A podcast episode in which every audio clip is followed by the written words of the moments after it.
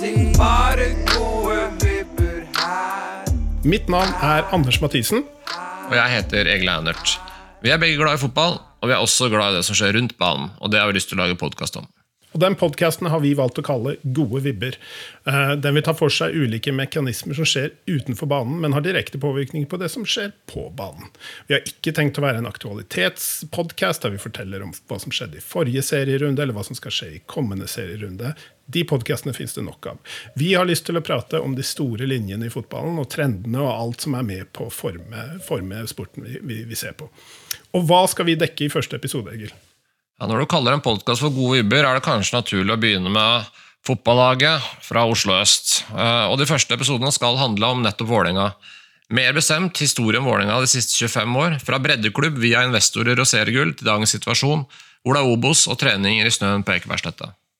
Og dette er jo ikke bare en historie om Vålerenga. Det her er jo faktisk en historie om eh, kampen mellom kapital og medlemsstyret i norsk fotball de siste, siste tiårene.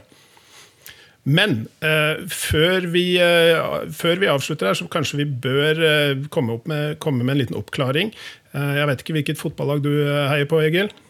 Jo, Det er ikke til å stikke under stol at vi begge holder med Lillestrøm.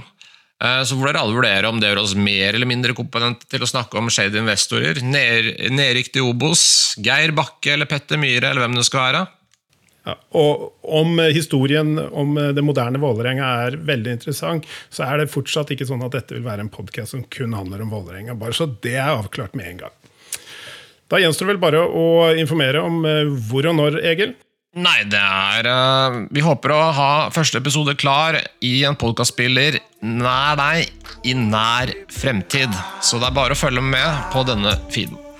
Supert. Vi gleder oss.